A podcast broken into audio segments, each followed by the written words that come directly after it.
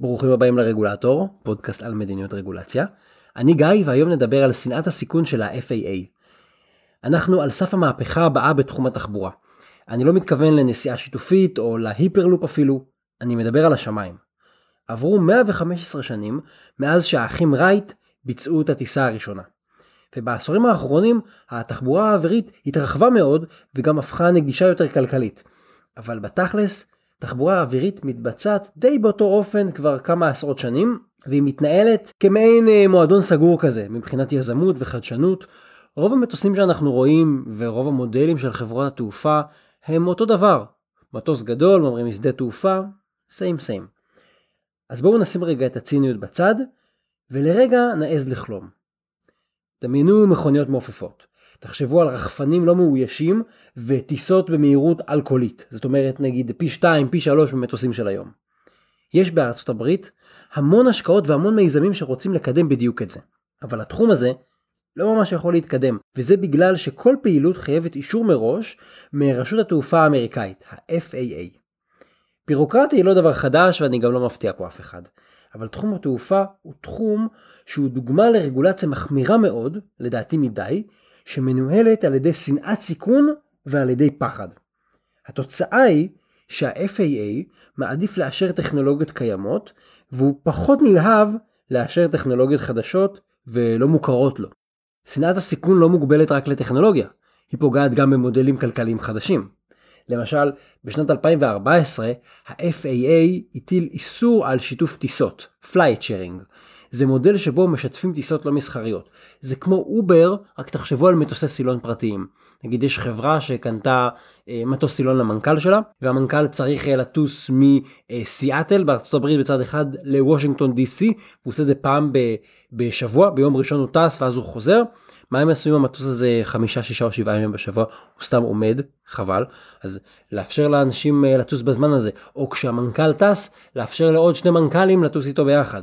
ה-FAA אומר שזה אסור.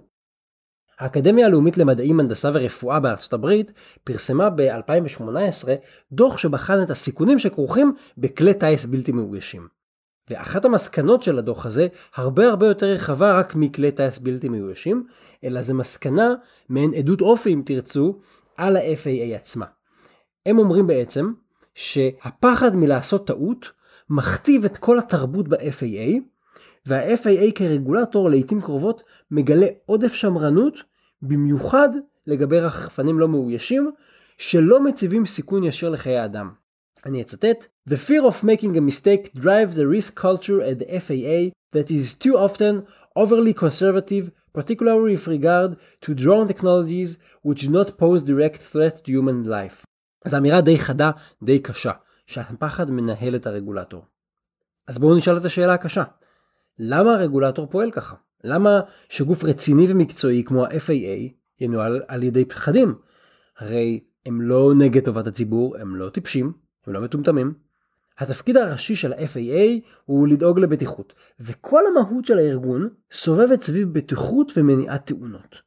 ולכן יש על הארגון לחץ רב מאוד למנוע תאונות. חלק מהלחץ הזה זה לחץ חיצוני, ממבקרים, מעמותות, מארגונים, מתביעות משפטיות, אבל חלק מהלחץ הוא לחץ פנימי. הוא בעצם פחד להיכשל, ופחד לא לעשות את התפקיד המרכזי שלך. כי ה-FAA עובד בזה שלא יהיו תאונות. ואם יש תאונה, יגידו לו, מה אתה עושה? בשביל מה אתה קיים אם יש תאונות? אז הרבה מהסיפור זה גם הלחץ הפנימי, פסיכולוגיה פנימית שעובדת על האנשים. שופט בית המשפט העליון של ארה"ב סטיבן ברייר הסביר איך זה הופך לבעיה. לדבריו, סוכנויות רגולטוריות סובלות לעיתים מתופעה שהוא קורא לה ראיית מנהרה, tunnel vision. זאת אומרת, הסוכנות מתמקדת באינטרס אחד בלבד, נגיד אה, בטיחות, והסוכנות מזניחה את התמונה הרחבה. עכשיו מה הבעיה עם זה? הסוכנות שוכחת במרכאות כפולות שהתפקיד שלה הוא לשפר את מצבו של הציבור והיא מתעלמת מיתר ההשפעות של הרגולציה. היא מתעלמת מהעלויות שמטילה על הציבור, היא מתעלמת מהשפעות על היזמות, מהחדשנות, מחסמים לכניסה של מתחרים אז היא פוגעת בתחרות ועוד שיקולים. ואז מה שיוצא זה שהרגולטור ממקסם מטרה אחת, אבל בדרך הוא דורס מטרות ואינטרסים אחרים. אבל כשמסתכלים על התמונה יותר רחבה מגלים שבעצם התועלת נמוכה מהעלות, אז גרמנו יותר נזק מתועלת. מה שיפה בהבנה הזאת של סטיבן ברייר, זה בעצם שזה לא רק העניין של אני מזניח שיקול אחד לטובת שיקול אחר, קורה פה עוד משהו.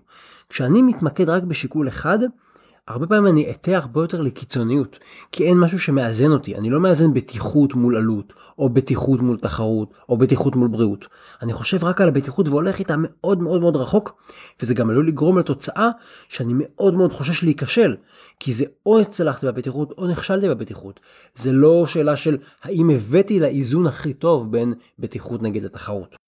אגב, השופט סטיבן ברייר הוא מונה על ידי קלינטון לבית המשפט העליון, והוא מזוהה עם השמאל בארצות הברית. זאת אומרת, זה לא בן אדם שהוא מתנגד גדול לרגולציה. בואו נחזור לדוח של האקדמיה למדעים, הנדסה ורפואה. הדוח הזה מסביר שרגולטורים כמו ה-FAA מתוגמלים רק על החלטות שנמנעות מסיכון. וזה אומר שהם מתוגמלים אפילו כשהם פועלים בשנאת סיכון קיצונית. במילים אחרות, רגולטורים נוטים לקבל החלטות לא מאוזנות שמביאות לתוצאה לא רצויה, אבל זה בגלל שהסביבה דוחפת אותם לעשות את זה. זאת אומרת, אנחנו נותנים להם תגמולים ותמריצים על זה שהם פועלים בשנאת סיכון, ובאופן לא מפתיע, הם פועלים על בסיס התמריץ הזה וממשיכים להיות שונאי סיכון. הסברתי בעבר איך דבר כזה קורה בישראל, ואיך כולנו, הציבור, הנציגים שלנו והתקשורת, איך כולנו מעודדים את זה. אתם מוזמנים לחפש את הפרק, הסיבה מספר אחת שרגולטורים לא מנהלים סיכונים. אז עד עכשיו הצגתי אה, הסתכלות קצת אה, פסימית וקצת אה, אפילו הרבה ביקורתית כלפי ה-FAA, לא אני כתבתי, כתבו את זה לפניי בארצות הברית, אבל אני חושב שיש מקום לתקווה. העולם לא שחור לבן, ואחרי כל הביקורת אני רוצה להציע ארבע תובנות יותר אופטימיות. תובנה ראשונה היא שאנחנו מדברים על מקרה של רגולטור אחד ויחיד, וזה דווקא סיכוי לאופטימיות. אה, סקטורים רבים כפופים למספר רגולטורים, ולכן כל התקדמות באותם סקטורים תלויה בקבלת אישורים מכל הרגולטורים הרלוונטיים. בעצם כל אחד מהרגולטורים יש לו זכות וטו, כי מספיק שלא קיבלתם אישור אחד, המיזם, העסק, הפרויקט נופל. הדוגמאות הבולטות ביותר זה רישוי עסקים, אה, תכנון ובנייה או פרויקטים גדולים של תשתיות. מצב של ריבוי רגולטורים עלול ממש לשתק לחלוטין את הפעילות. ומחייב שינוי גישה אצל כל אחד ואחד מהרגולטורים. לא מספיק להביא לפריצת דרך עם משרד התחבורה, או עם משרד האנרגיה, או עם המשרד להגנת הסביבה, או עם רשות הכבאות. אתם חייבים לפתור את הבעיות אצל כל אחד מהם, כי מספיק שאחד מתנגד והפרויקט נופל.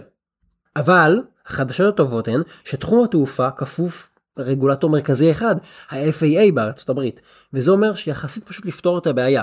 אם ה-FAA ישנה גישה, המצב ישתנה ודי מהר. התובנה השנייה היא ששחקנים אחרים יכולים לסייע לרגולטור לקחת יותר סיכון ולהגיע לגישה של ניהול סיכונים, לגישה יותר מאוזנת. תראו, גם אם הרגולטור נמצא במלכודת הזאת, שדוחפת אותו להימנע כליל מסיכונים, הוא לא לבד. למשל, הקונגרס האמריקאי התחיל למלא תפקיד אקטיבי בקידום טכנולוגיות ובעידוד חדשנות. הם עשו תיקון חוק שעבר ב-2018, והתיקון הזה נועד לאפשר טיסות על-קוליות מעל יבשה, ועוד תיקון שהם עשו נועד לאפשר שיתוף טיסות, את ה-flight sharing הזה. החקיקה הזאת לא מחליפה את הרגולטור המקצועי, למרות שזה נראה כאילו הקונגרס הולך לו מעל הראש. קודם כל, הקונגרס באמת מעל הראש שלו, כי הקונגרס הוא בעל הסמכות לקבוע חוקים. הרגולטורים מבצעים ופועלים מכוח החוקים של הפרלמנט. היתרון היפה בזה שהקונגרס או פרלמנטים אחרים, כמו למשל הכנסת בישראל, היתרון שהם התערבו, זה שהפרלמנט בעצם מתווה דרך לרגולטור, וזה גם מסיר ממנו כל מיני לחצים חד צדדיים שראינו קודם, וזה מסייע לרגולטור לבחון סט רחב של שיקולים. תחשבו למשל על חוק שעובר ואומר ה-FAA יקדם ויאפשר טיסות על-קוליות בכפוף לכללים שהוא יקבע, וה-FAA צריך להתחשב גם בחדשנות ויזמות. וואלה, שחררנו את ה-FAA מהפחד ועזרנו לו לשקול עוד שיקולים. אז הרגולטור לא לבד וזה יכול לעזור לו. תובנה שלישית היא שיש עוד מדינות. במשך עשרות שנים, הרגולציה של FAA שימשה כסטנדרט בינלאומי בתחום התעופה. אבל הגישה המתגוננת השאירה את ה-FAA קצת מאחורה, ורגולטורים אחרים הפכו להיות יותר משמעותיים ויותר מובילים בגלל שה-FAA קצת מפגר אחריהם. לאחרונה יש רגולטורים אחרים בבריטניה, גרמניה, שווייץ ויפן, והם התחילו לקדם מדיניות שמאפשרת ומעודדת חדשנות, גם טכנולוגית וגם חדשנות עסקית.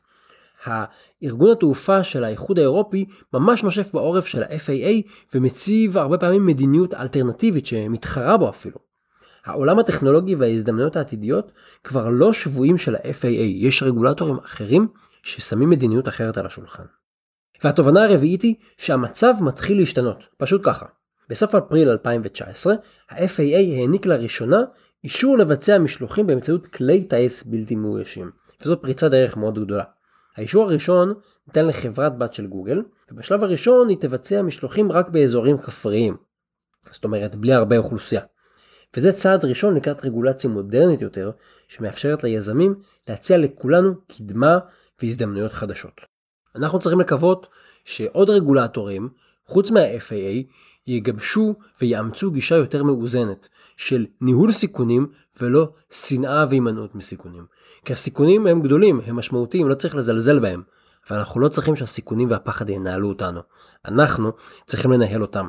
וככה נוכל לקבל החלטות מושכלות, כמו יותר חדשנות או פחות חדשנות, יותר תחרות, יותר יזמות, ובאופן כללי, יותר הזדמנויות לכולנו לעשות דברים חדשים, לשגשג ולהצליח. עד כאן להפעם, אתם מוזמנים להמשיך לשלוח אליי שאלות למסנג'ר של עמוד הפייסבוק, ואני אשתדל לענות עליהן. תודה שהאזנתם לעוד פרק של הרגולטור, כדאי לעשות מנוי באפליקציות השונות, כמו גוגל פודקאסט או ספוטיפיי, ככה לא תפספסו פרקים. אתם מוזמנים לעקוב אחריי גם בבלוג וגם בפייסבוק. בבלוג תוכלו למצוא לינקים למקורות ולפוסטים נוספים בנושא. תודה לרן שיר על עריכת הסאונד, התכנים משקפים את דעותיי בלבד.